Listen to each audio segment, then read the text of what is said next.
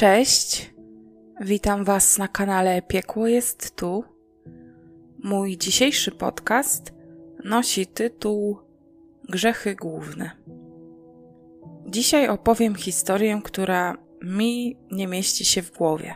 Zarówno sam czyn, jak i motywacja, jaką kierował się sprawca, jest dla mnie nie do pojęcia. Jest to historia, jak każda, którą do tej pory poznaliście, czyli taka, w której ginie człowiek, ale ginie w takich okolicznościach i z takich powodów, które we mnie autentycznie wzbudzają wściekłość. Myślę, że uzasadnioną, ale będziecie mogli sami wyrobić sobie zdanie po wysłuchaniu tej historii. Małżeństwo Iwony i Bogdana rozpoczęło się w 1982 roku i w tym samym roku urodził się ich pierwszy i jedyny syn. Fakt, że ich związek nie opierał się na miłości, a raczej koleżeństwie, może wskazywać na to, że do ślubu pomiędzy nimi doszło z powodu ciąży, w którą zaszła Iwona. Para zamieszkiwała w niewielkim mieście Międzyrzecz, położonym w województwie lubuskim, i początkowo mieszkała w jednym domu, który zresztą był też domem rodzinnym Iwony, wraz z jej mamą, ale później przeprowadziła się do mieszkania w kamienicy przy ulicy Świerczewskiego. Małżeństwo to nie przechodziło żadnych większych kryzysów, ale niemal od początku istniało tylko na papierze. Nie było ze sobą blisko, choć żyło pod jednym dachem. Bogdan zresztą rzadko bywał w domu, pracował w branży budowlanej i to za granicą, a do domu wracał tylko na kilkanaście dni w roku. Mimo chłodnych kontaktów, przysyłał swojej rodzinie regularnie pieniądze na utrzymanie mieszkania. Iwona także pracowała zawodowo, nie wiem dokładnie czym się zajmowała, ale na pewno miała osobny budżet. Maciej, syn pary, nie był jednak kryształowym i bezproblemowym dzieckiem. Od najmłodszych lat przejawiał problemy psychiczne i wychowawcze, przez co nie układało mu się w relacjach z rówieśnikami i miewał spore trudności w nauce. Nie mógł zaprzyjaźnić się z nikim w swojej klasie, bo dzieci raczej się go bały. Nie miał dla nich litości, często je wyśmiewał i dręczył słabszych. Nie miał też ochoty poświęcać się nauce, dlatego jego promocja do kolejnej klasy nigdy nie przebiegała bezproblemowo. Jako nastolatek nawet podjął wraz ze swoją ówczesną dziewczyną próbę samobójczą, którą udaremnił przypadkowo przechodzący w miejscu, w którym para planowała popełnić samobójstwo, człowiek. Kiedy Maciej został skierowany na obserwację psychiatryczną, twierdził, że na swoje życie chciał się targnąć, bo czuł się odrzucony przez rodziców. Więcej czasu spędzał w domu babci, która traktowała go czule i poświęcała mu dużo więcej uwagi niż rodzice, między którymi nie było żadnych widocznych uczuć. W domu panowała dość sztywna, chłodna atmosfera, Ciężko było porozumieć się z Bogdanem, który nadużywał też alkoholu, po którym nie był agresywny, ale głównie wtedy stawał się rozmowny, a te rozmowy w rzeczywistości to były zaczepki, przez które syn z ojcem coraz częściej się kłócili, a matka stawała w obronie pierworodnego. Po tej desperackiej próbie zwrócenia na siebie uwagi rodziców, zdawałoby się, że Maciej osiągnął swój cel – Iwona pozornie zrozumiała swoje błędy wychowawcze i niestety poszła w skrajność, bo zrobiła się bardzo nadopiekuńcza w stosunku do swojego syna. Nie chciała spuszczać z niego oka, ale również uważała, że tak wrażliwy i delikatny chłopak, mimo że już dorosły, nie był jeszcze gotowy na podjęcie samodzielnego życia. Zatem nie godziła się na to, aby jej syn po ukończeniu nauki Poszedł do pracy i żył na własny rachunek. Co zresztą także rodziło nieporozumienia pomiędzy nią a Bogdanem, który miał wręcz przeciwne zdanie. Iwona jednak postawiła na swoim, twierdząc, że ze swojej pensji jest w stanie utrzymać dwie osoby. Maciej więc korzystał z majątku swojej mamy, nie mając ani perspektyw na przyszłość, ani planów. Z braku jakiegokolwiek innego konstruktywnego zajęcia, Maciej zaczął fascynować się sportem, a konkretniej siłownią, a później też sztukami walki. Kiedy skończył 20 lat, zaczął regularnie pojawiać się na siłowni, gdzie sukcesywnie pracował na swoją wymarzoną sylwetkę i dzięki temu zaczął podobać się dziewczynom, ale też budził respekt wśród rówieśników. Na siłowni poznał Remigiusza, z którym zaczął spędzać coraz więcej czasu. Mężczyźni początkowo spotykali się tylko na siłowni, ale wkrótce zrodziła się między nimi silna więź i zaczęli pojawiać się razem na mieście. Maciej imponował Remigiuszowi nie tylko siłą fizyczną, ale też pewnością siebie, której jemu zdecydowanie brakowało. Jego rówieśnik przyciągał ludzi jak magnes, w tym również kobiety. Poza tym miał taką siłę przebicia i takie zdolności manipulacyjne, że bardzo często dostawał to, czego chce. Maciej był też często w posiadaniu sporej gotówki, pomimo że nie skalał się do tej pory żadną pracą. Dzięki temu przyjaciele mogli spędzać beztrosko czas, bo Maciej oczywiście nie szczędził pieniędzy również na przyjemności Remigiusza. Mężczyzna nie wnikał, skąd jego kolega ma pieniądze, po prostu z nich korzystał. W rzeczywistości było tak, że to Iwona dawała swojemu dorosłemu już synowi pieniądze, którymi on później szpanował przed znajomymi, ale Maciej często przedstawiał im niewiarygodne historie tylko po to, aby wzbudzać jeszcze większy respekt. Na przykład twierdził, że ma kontakty z mafią, sugerując, że do niej należy. Tymczasem małżeństwo jego rodziców zdawało się z każdym rokiem coraz bardziej przekwitać. Nie dość, że Bogdan praktycznie w ogóle nie przebywał w domu, co tym samym siłą rzeczy zresztą oddalało go od Iwony, to również bardzo często był zazdrosny o swoją żonę, myśląc, że kiedy on ciężko pracuje za granicą, ona układa sobie życie z kimś innym. A ponieważ przez większość czasu nie było go na miejscu, to nie miał możliwości kontrolowania sytuacji. Oczywiście Iwona nie dawała mu żadnych powodów do zazdrości, a mimo to mąż nieustannie zarzucał jej zdrady. Zmęczona takimi zarzutami kobieta, korzystając z okazji, że po śmierci swojej matki dostała w spadku nieruchomość, to we wrześniu 2013 roku do tego domu, który był jednocześnie jej domem rodzinnym, postanowiła się przeprowadzić. Dom również znajdował się w Międzyrzeczu, zatem wciąż była blisko zarówno męża, jak i syna, który ostatecznie zdecydował się zostać ze swoim ojcem. I ta decyzja zaważyła na tym, że skończyło się finansowanie życia Macieja przez jego matkę. Od chwili jej wyprowadzki utrzymanie całego mieszkania w kamienicy, jak i niepracującego dorosłego syna spadło na Bogdana – który z tego powodu nie był za bardzo szczęśliwy, ale wciąż przysyłał synowi pieniądze. Relacje Iwony i męża były, można powiedzieć, że zawieszone, bo choć para nie planowała rozwodu i nie była też w separacji, to kontaktowała się ze sobą także bardzo sporadycznie. Każde prowadziło osobne gospodarstwo domowe, a zdarzało się, że nie widzieli się ze sobą nawet kilka miesięcy. Również z synem Maciejem kontakt nieco się rozluźnił. Iwona nie potrafiła się z nim porozumieć, choć między nimi nie dochodziło do żadnych spięć. Po prostu ich kontakty się rozluźniły, odkąd kobieta zamieszkała sama. Maciej w dalszym ciągu najwięcej czasu spędzał z Remigiuszem, a w 2013 roku dołączył do nich jeszcze jeden kolega, Tomasz. Od tamtej pory we troje byli dosłownie nierozłączni. Biegali razem po lesie, aby utrzymać dobrą kondycję. Ćwiczyli różne chwyty obezwładniające, podnosili ciężary. Spotykali się niemal codziennie, nawet po dwa razy, a w trakcie tych spotkań Tomasz zauważył, że Remigiusz był Maciejowi nie tyle oddany, co poddany. Spełniał wszystkie rozkazy i zachcianki swojego przyjaciela, którego zresztą traktował jak brata.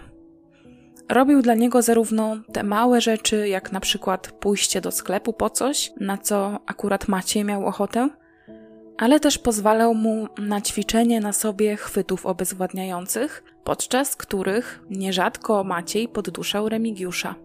Obaj jednak nie widzieli w tym nic złego. Wiosną 2014 roku Iwona próbowała dodzwonić się do swojego męża. Co prawda, aktualnie dłuższy już czas nie rozmawiali ze sobą po ostatniej sprzeczce, kiedy Bogdan znowu zarzucił swojej żonie zdradę, ale ten dzień, kiedy kobieta podjęła próbę kontaktu, to nie był taki zwyczajny dzień. Bogdan miał wówczas obchodzić swoje 56. urodziny, więc Iwona chciała mu złożyć życzenia, będąc przekonaną, że przebywał on za granicą. Telefon Bogdana milczał uparcie przez kolejne trzy dni i w końcu zaniepokojona kobieta zaczęła myśleć o tym, aby powiadomić policję o zaginięciu męża. Od tej decyzji próbował odciągnąć ją Maciej, ponieważ twierdził, że ojciec jakiś czas wcześniej powiedział mu, że wyjeżdża i nie chce się z nikim kontaktować. Widział, jak Bogdan spakował do walizki praktycznie wszystkie swoje najważniejsze rzeczy, jakie miał w domu, a więc Maciej był pewien, że ojciec słowa dotrzymał i po prostu odciął się od swojej rodziny i stąd niemożność skontaktowania się z nim. Takie tłumaczenia jednak nie przekonały Iwony. Kobieta zapobiegawczo zgłosiła zaginięcie męża na policję. Dziwne zachowanie Macieja od razu zwróciło uwagę policjantów, dlatego mundurowym wydawało się, że młody mężczyzna wie coś więcej na temat zniknięcia Bogdana. Próbowali zebrać jakieś dowody na potwierdzenie swojej tezy, między innymi zakładając podsłuch w telefonie 31-latka, bo myśleli, że jeśli on zrobił zaginionemu krzywdę, to być może przez telefon wygada swoją tajemnicę.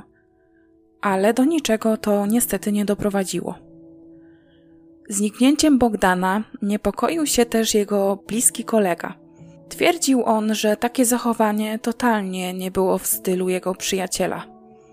Niewiele wiedział o sytuacji rodzinnej Bogdana, bo był on dość skryty, więc na zwierzenia rzadko się decydował, ale co nieco zdołał zdradzić w krótkich rozmowach.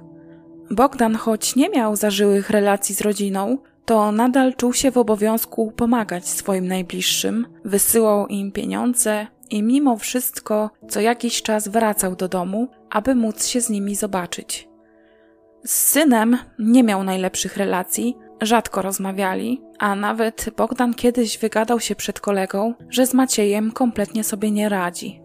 Ale nie znaczyło to, że chciałby od niego uciec. Raczej szukał rozwiązania, jak synowi przemówić do rozsądku, aby zaczął układać sobie życie samodzielnie. Maciej miał już ponad 30 lat, a wciąż znikome doświadczenie zawodowe. Nic więc dziwnego, że ojciec martwił się o jego przyszłość. Śledztwo nie przynosiło żadnych tropów, a Maciej co jakiś czas spieszył do matki z rewelacjami, twierdząc, że Bogdan kontaktował się z nim telefonicznie. Utrzymywał, że ojciec zaczął pić coraz więcej, co zdecydowanie było słychać w jego głosie, kiedy do syna dzwonił. Nikt poza Maciejem nie miał kontaktu z zaginionym, więc w oczach policjantów to, że Bogdan ma się dobrze na obczyźnie, budziło spore wątpliwości. W czasie, kiedy znaleźli jego nowe Audi zaparkowane w innym mieście, Maciej znów się uaktywnił, twierdząc, że Bogdan kontaktował się z nim, mówiąc, że niebawem przyjedzie do kraju, aby ten samochód odebrać. Policjanci jednak prowadzili czynności poszukiwawcze także w kraju, do którego rzekomo mężczyzna miał się udać, ale nie natrafili tam na trop zaginionego. Byli przekonani, choć nie znaleźli jeszcze jego ciała, że Bogdan od momentu swojego zaginięcia nie żyje, a jego syn ukrywa prawdę. Ale prawdziwy i jedyny od momentu zniknięcia mężczyzny przełom nastąpił 17 stycznia 2015 roku wieczorem. To wtedy policjanci z Międzyrzecza odebrali telefon od 32-letniego już wówczas Remigiusza. Mężczyzna dzwonił ze szpitala psychiatrycznego, w którym przebywał od grudnia 2014 roku. Poinformował policjantów, że ma istotne informacje w sprawie zaginięcia Bogdana i chciałby się z nimi spotkać. Policjanci dzięki najbliższemu koledze Macieja poznali prawdę o zniknięciu jego ojca. Remigiusz po roku ukrywania zdarzeń pękł. Tajemnica skrywana przez te wszystkie miesiące ciążyła na nim tak bardzo, że zaczęło na tym cierpieć jego zdrowie psychiczne, uniemożliwiając mu codzienne, poprawne funkcjonowanie.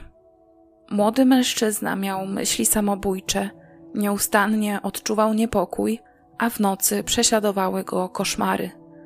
Z tego też powodu dwukrotnie w przeciągu minionego roku podjął leczenie psychiatryczne.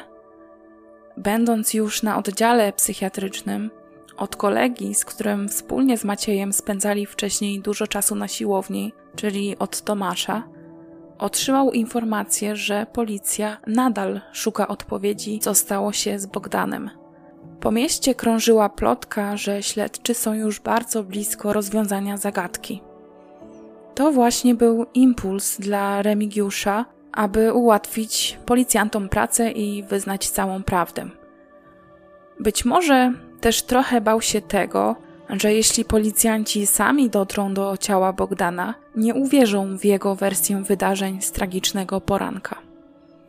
Dzięki wyznaniu Remigiusza, już dzień po jego telefonie na policję, czyli 18 stycznia 2015 roku, wziął on udział w wizji lokalnej i wskazał śledczym miejsce, gdzie od roku spoczywało ciało Bogdana. W piwnicy budynku, gdzie mężczyzna zamieszkiwał ze swoim synem, w dole o głębokości mniej więcej metra i szerokości około pół metra, znaleziono przysypane wapnem, a następnie przykryte blachą i zasypane ziemią ludzkie zwłoki.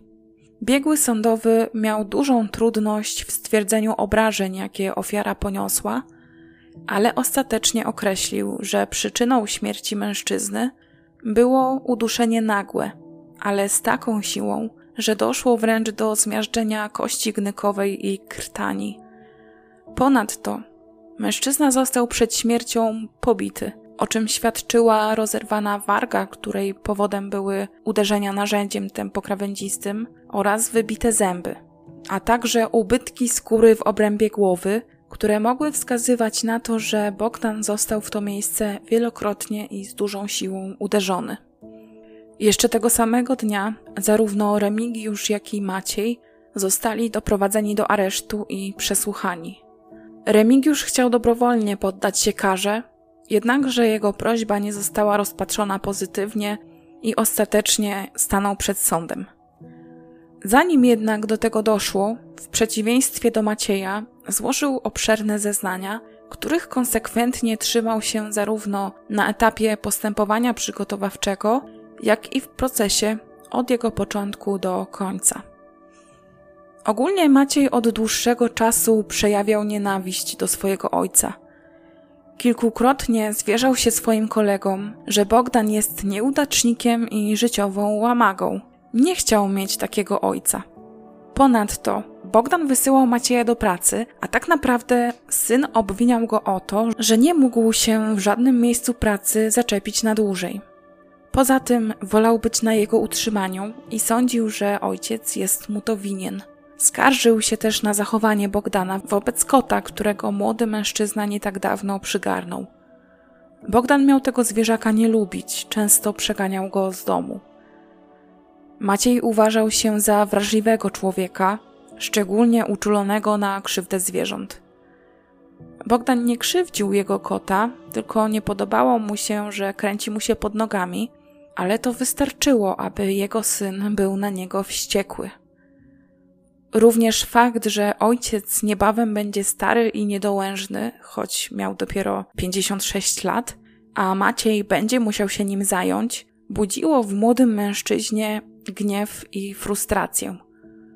Uważał, że ojciec nie zasługiwał na to, aby on poświęcił mu kilka, jak nie kilkanaście lat swojego życia, za to, że niedostatecznie dobrze traktował zarówno swojego syna, jak i swoją żonę, a zwłaszcza żonę, której lata wcześniej kazał usunąć ciążę.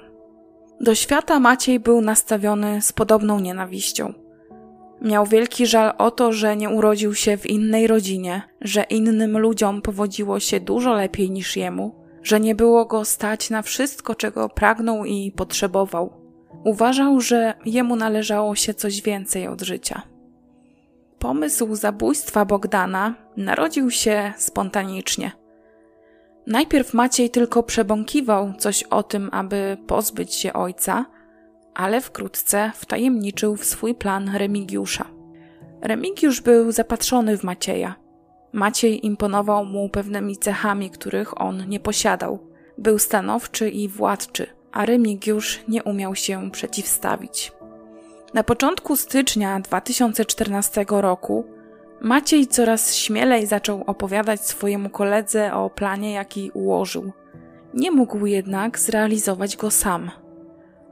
Remigiusz nie protestował, kiedy jego rówieśnik przekazał mu pieniądze na zrobienie zakupów potrzebnych do wykonania tego planu. Miał za nie kupić dwie łopaty i kilka worków wapna palonego.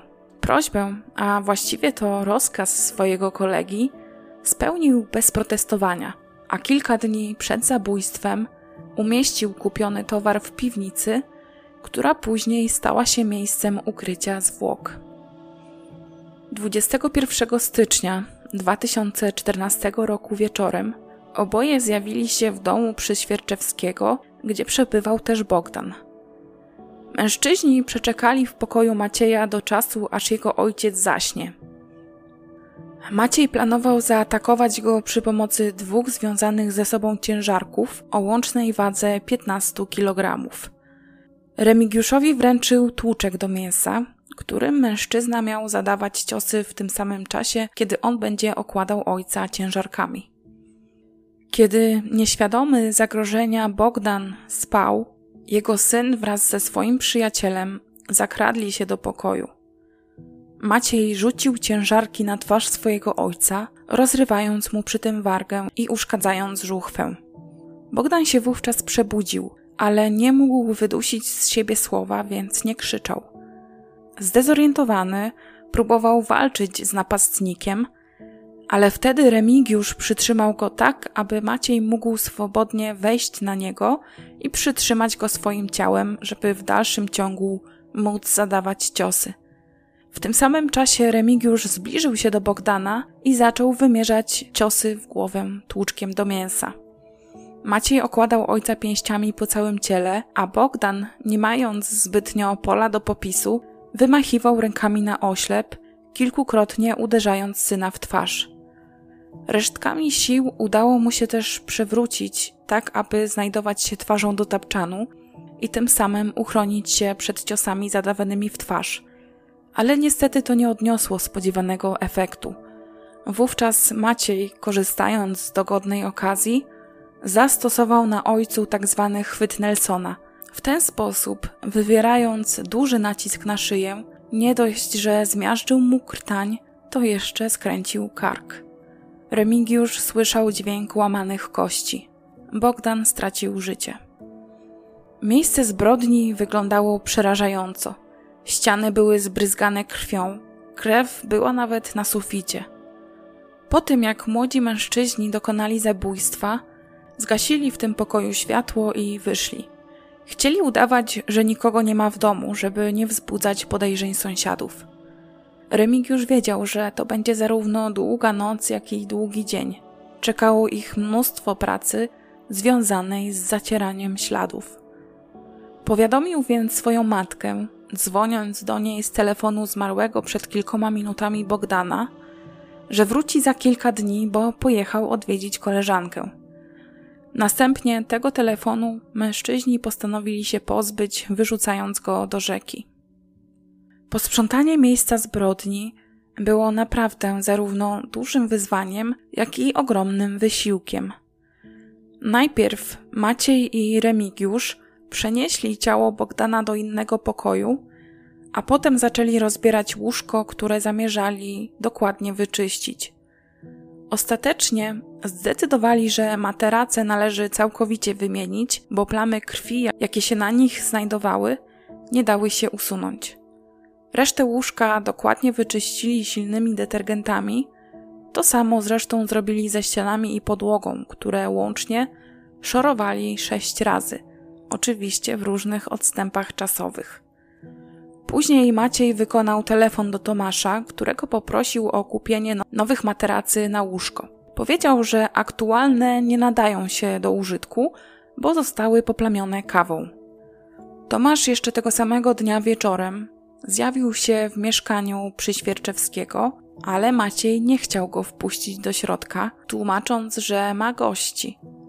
Stojąc w drzwiach, wręczył mu tylko 2000 zł w gotówce i wysłał do sklepu. W rzeczywistości Maciej nie chciał zaprosić kolegi do środka, dlatego że w pokoju, w którym doszło do zabójstwa i który był już względnie przywrócony do stanu sprzed tego wydarzenia, na podłodze pomiędzy dwoma materacami leżało ciało Bogdana i czekało, aż Remigiusz skończy wykopywać w piwnicy dół, aby mogło tam spocząć. Maciej owinął je w prześcieradło, a głowę ojca owinął folią, żeby nie kapała z niej krew. Dzień po zbrodni, około czwartej nad ranem, kiedy wszyscy sąsiedzi spali i kiedy oni zregenerowali się po intensywnym dniu, wynieśli zwłoki Bogdana do przygotowanego dołu. Tam zasypali je 60 kilogramami wapna i ziemią. Umówili się, że jeśli ktoś zauważy zniknięcie Bogdana, to oni będą przepychać wersję o tym, że mężczyzna wyjechał za granicę, chcąc odciąć się od swojej rodziny. Mieli to szczęście, że przez dłuższy czas nikt jednak o Bogdana nie pytał, dzięki czemu oni mieli czas na to, aby stopniowo, bez niczyich podejrzeń, pozbywać się śladów zbrodni. W piecu, w tej samej piwnicy, w której zakopali ciało Bogdana, palili wszystkie rzeczy związane z zabójstwem – zaczynając od zakrwawionych materacy, pościeli, przez dokumenty należące do ofiary, po jego i swoje zresztą też ubrania.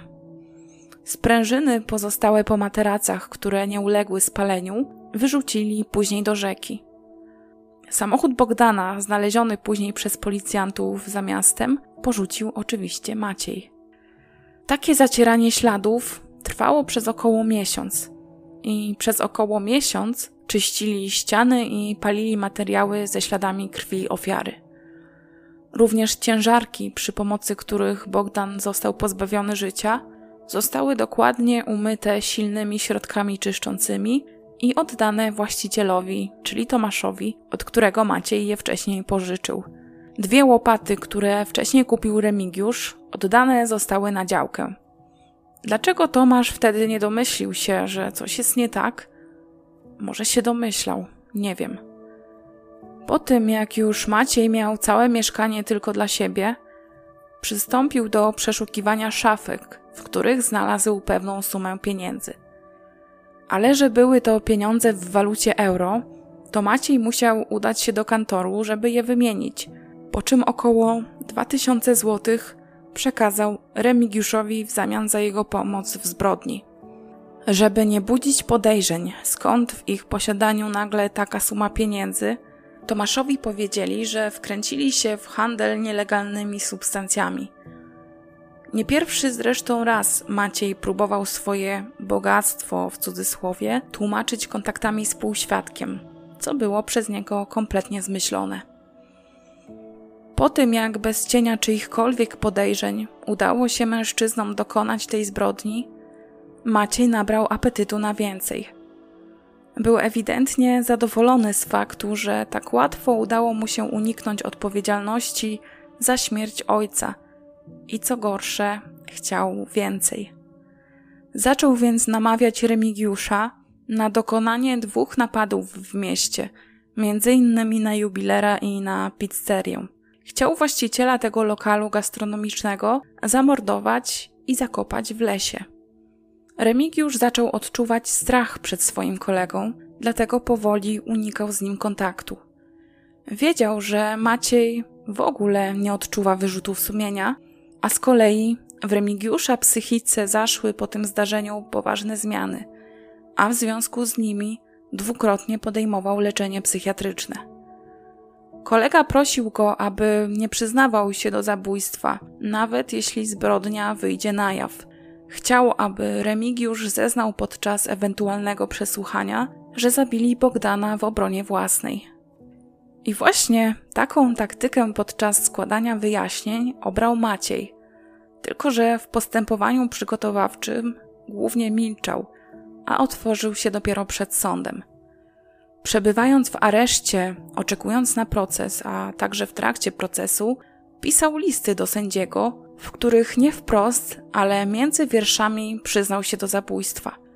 Dyktował w tych listach warunki, między innymi prosił o dożywocie i o pojedynczą celę. Ale sędzia na jego listy nie reagował. Maciej się nie poddawał, wysyłał kolejne. W jednym wyznał, że się samookalecza w ramach pokuty, którą sam sobie zadał. Powoływał się też na wiarę, pisał, że oddaje się w ręce Boga. Podczas trwania procesu, tuż przed ogłoszeniem wyroku, Maciej wysłał kolejny list. Pisał w nim, że żałuje tego, co się stało, bo mimo wszystko jego ojciec też był człowiekiem. W liście umieścił też swoją wersję wydarzeń, którą utrzymywał od początku do końca procesu, ale o niej wspomnę za chwilę.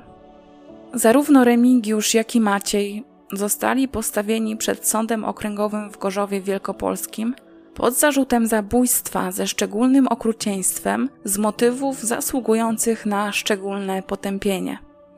Oboje oczekiwali na proces w innych aresztach. Maciej został doprowadzony na salę rozpraw, skuty kajdankami zarówno na rękach, jak i na nogach. Siedział na ławie oskarżonych za pancerną szybą. Akt oskarżenia prokurator z Międzyrzecza sporządził, bazując głównie na zeznaniach Remigiusza, nie znając zresztą jeszcze wtedy wersji wydarzeń Macieja, który w trakcie przygotowywania procesu nie zdecydował się zeznawać.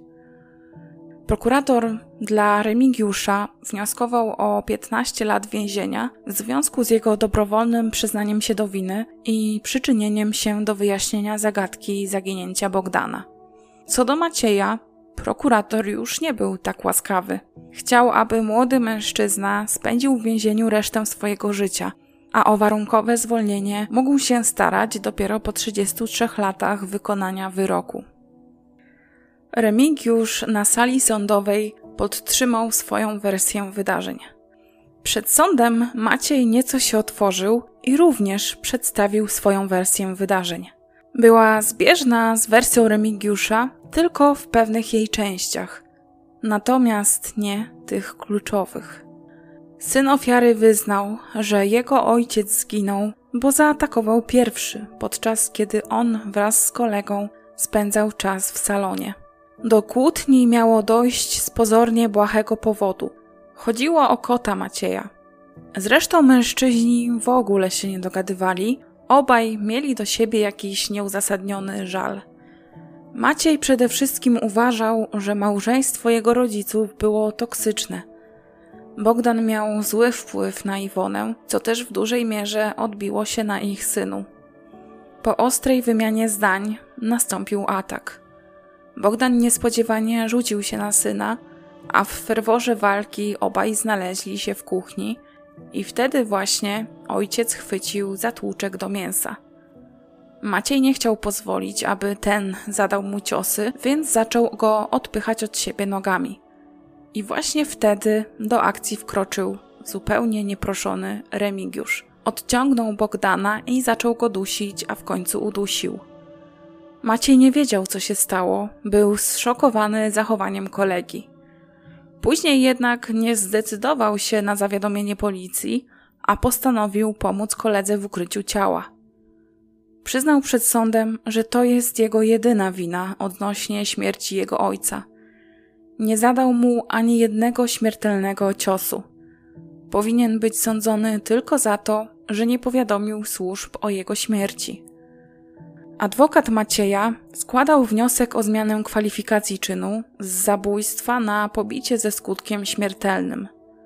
Próbował przekonywać, że zeznania Remigiusza to wybieg, który miał na celu złagodzić jego karę. Sam fakt, że przyznał się do zbrodni, wydarzył się tylko dlatego, że mężczyzna przestraszył się, że śledczy niebawem sami odkryją prawdę. Wolał więc zapewnić sobie lepszą pozycję i narzucić w śledztwie swoją wersję wydarzeń. Maciej przychylał się do wniosku swojego obrońcy. Jego zeznania nie były zbyt szczegółowe, bo zasłaniał się częściową niepamięcią spowodowaną szokiem, jaki przeżył podczas tych tragicznych wydarzeń. Ale sąd nie dopatrzył się w jego zachowaniu jakiegokolwiek żalu, jaki mógłby odczuwać po stracie ojca, jakiejkolwiek refleksji czy skruchy. O samej ofierze wypowiadał się dość oschło. Maciej próbował też symulować chorobę psychiczną.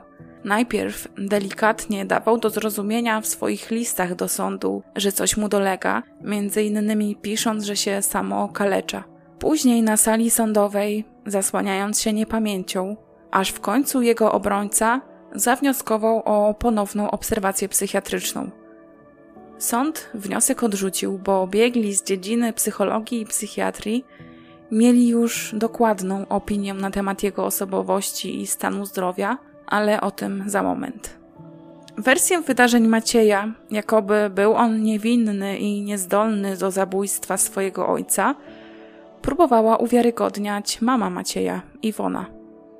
Tłumaczyła przed sądem, że gdyby Maciej rzeczywiście usiadł na swoim ojcu, tak jak to opowiadał Remigiusz, to łóżko nie wytrzymałoby takiego ciężaru, bowiem już od dawna było zniszczone i ledwie trzymało się w kupie.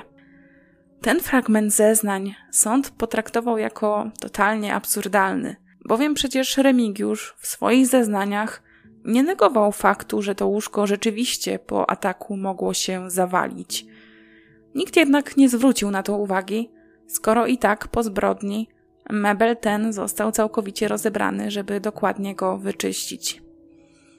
Nie są znane całościowe zeznania kobiety, ale sąd uznał, że były one nie do końca obiektywne, bo kobieta zeznawała w taki sposób, aby jak najbardziej wybielić swojego syna, a większą częścią winy obarczyć drugiego z oskarżonych czyli robiła to samo, co jej syn i jego adwokat.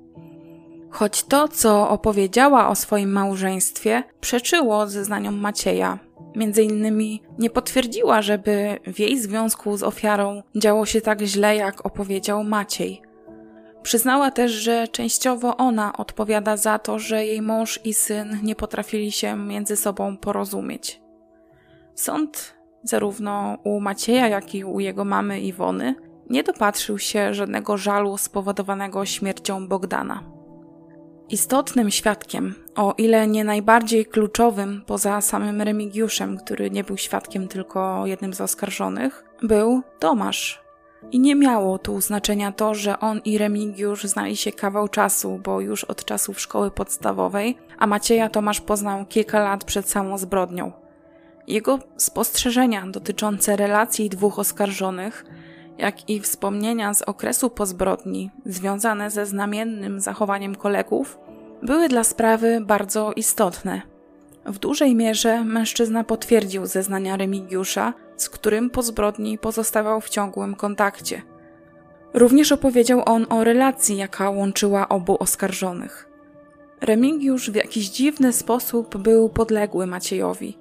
Nie wiedzieć czemu, wykonywał wszystkie jego rozkazy – Wyznał, że podczas ćwiczeń, jakie wykonywali wspólnie, często Maciej traktował Remigiusza jak swój worek treningowy, a ten w ogóle nie protestował i nie widział w tym nic złego. Tomasz, jako że przewijał się w towarzystwie Macieja, nieraz został przez niego zaskoczony niepokojącymi pytaniami. Jeszcze przed zabójstwem Bogdana Maciej miał go zapytać, co zrobić, aby całkowicie pozbyć się ciała, ale tak, żeby nikt go nigdzie nigdy nie znalazł. Tomasz odpowiedział wtedy, że słyszał od innych kolegów, z którymi dawniej pracował na budowie, że wapno przyspiesza rozkład zwłok. Innym razem, już po zbrodni, Maciej chciał dowiedzieć się od kolegi, czy byłby on w stanie na jego zlecenie wykopać bardzo głęboki dół w lesie. Oferował mu za to 45 tysięcy złotych, ale Tomasz oczywiście nie podjął się tego zlecenia. Później Maciej twierdził, że to był tylko żart. Świadek zeznał, że oskarżony opowiadał mu o sytuacji sprzed lat, kiedy ciężko pobił swojego ojca. Ledwo osiągnął pełnoletność, jak doszło do tej sytuacji. I gdyby nie jego matka, która rozdzieliła tłukących się mężczyzn, to Bogdan już wtedy mógłby stracić życie. Przesłuchanie Tomasza trwało niemal dwie godziny, ale mało brakowało, a jego zeznania nie zostałyby uznane za dowód w sprawie. Dlaczego? Otóż obrońca Macieja wyciągnął na światło dzienne informacje o tym, że świadek leczył się psychiatrycznie i tuż przed przyjściem na salę sądową przyjmował silne leki psychotropowe, które mogły zaburzyć jego świadomość i wpłynąć na jego wiarygodność.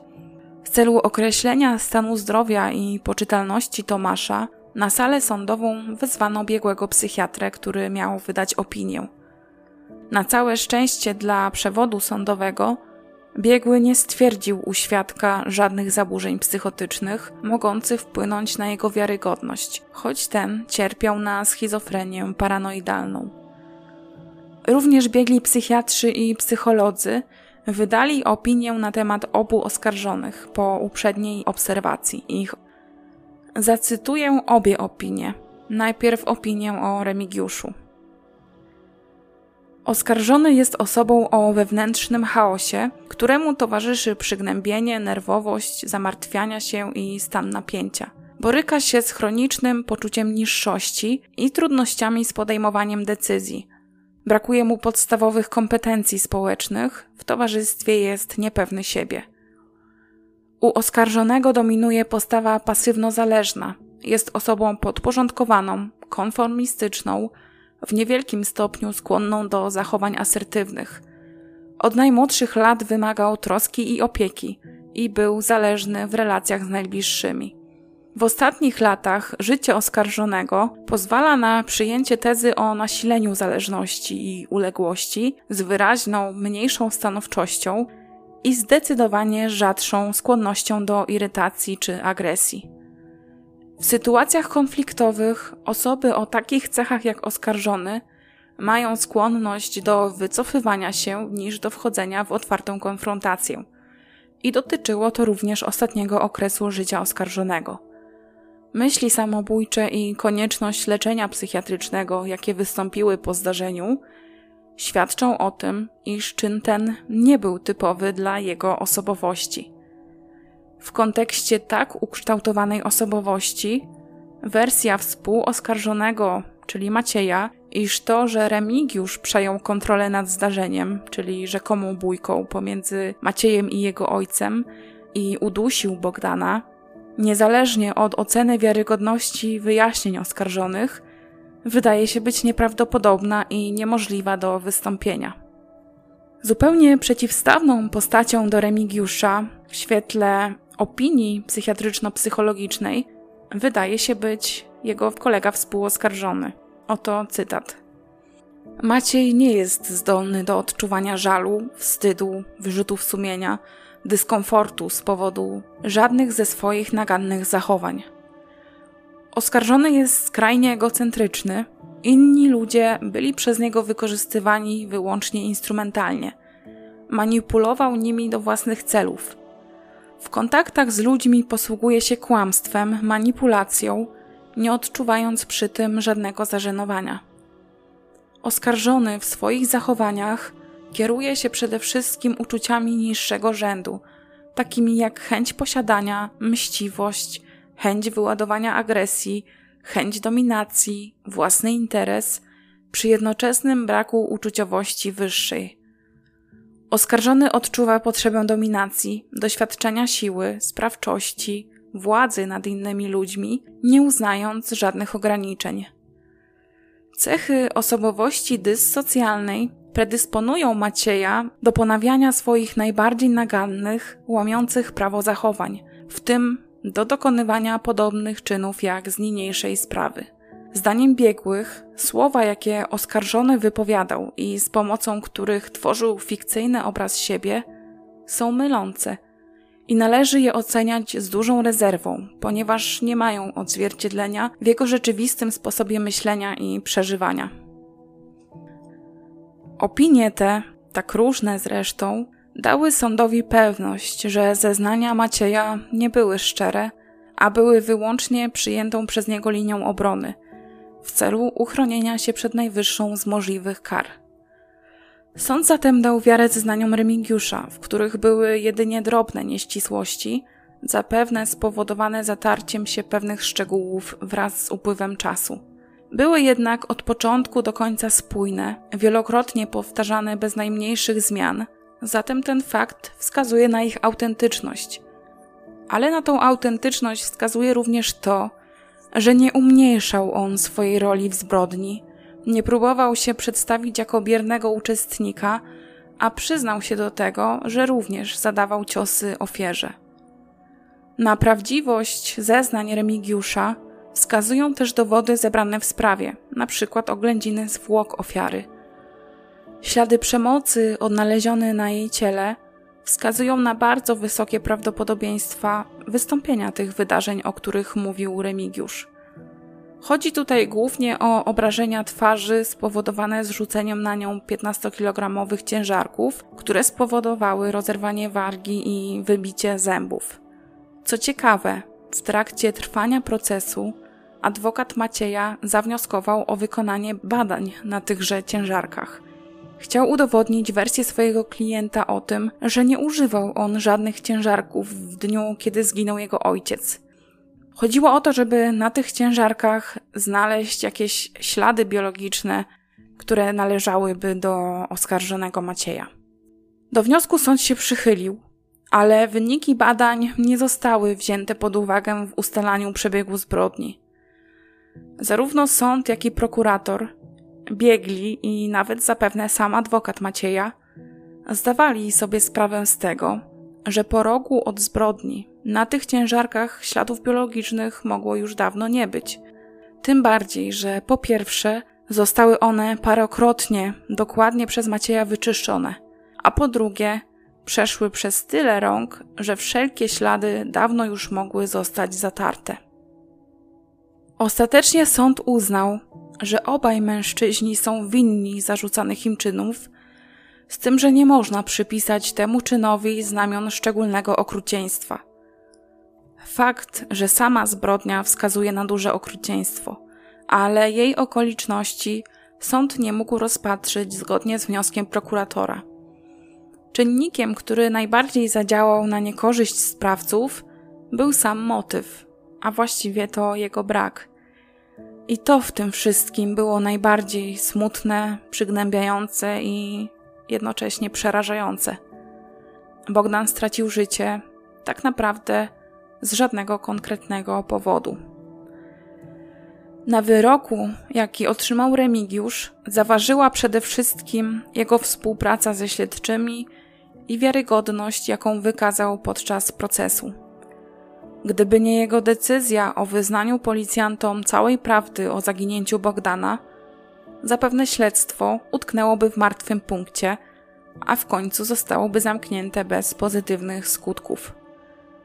Sędzia stwierdził zatem, że kara 12 lat więzienia, czyli najniższa kara, jaką sąd mógł wymierzyć przy takiej kwalifikacji czynu, jest dla Remigiusza swego rodzaju premią, w cudzysłowie oczywiście, za pomoc w ustaleniu prawdy.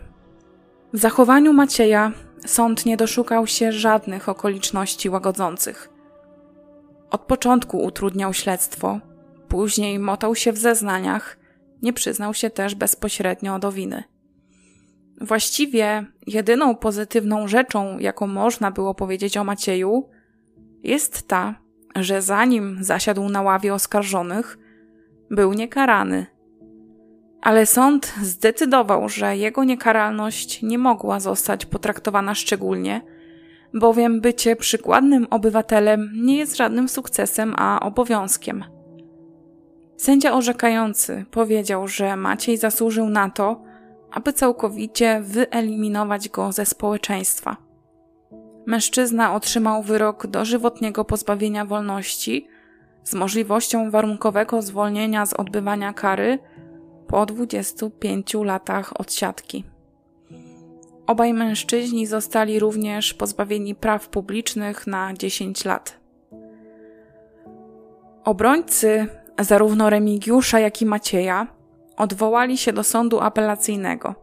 I tu, o dziwo, sąd częściowo przychylił się do wniosku obrońcy syna ofiary, eliminując z czynu przypisanego oskarżonym fragment o motywacji zasługującej na szczególne potępienie.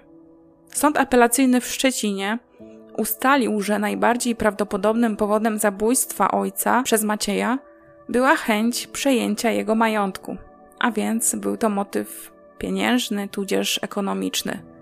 Co prawda, sąd okręgowy w Gorzowie Wielkopolskim stanowczo odrzucił taką motywację ze względu na to, że kwota, którą Maciej przywłaszczył sobie po śmierci ojca, nie była tak zawrotna, aby dla niej chcieć zabić człowieka. Sąd apelacyjny nie zgodził się z tymi słowami, natomiast przyznał, że znane są przypadki, kiedy niewinni ludzie giną za znacznie mniejsze sumy pieniędzy. Zatem ten motyw był jak najbardziej prawdopodobny. Również na fakt przemawiający za tym, że Maciej potrzebował pilnie gotówki, tym samym dążył do zgromadzenia jakichś pieniędzy, wskazywała jego chęć napadnięcia na jeszcze przynajmniej dwóch mężczyzn prowadzących własny biznes.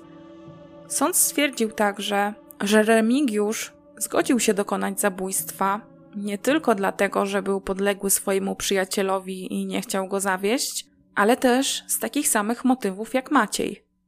Nie protestował, kiedy kolega wręczał mu pieniądze w zamian za współudział w zbrodni, a potem też sam przyznał, że otrzymana przez niego kwota pieniędzy jednak nie była warta pozbawienia życia człowieka.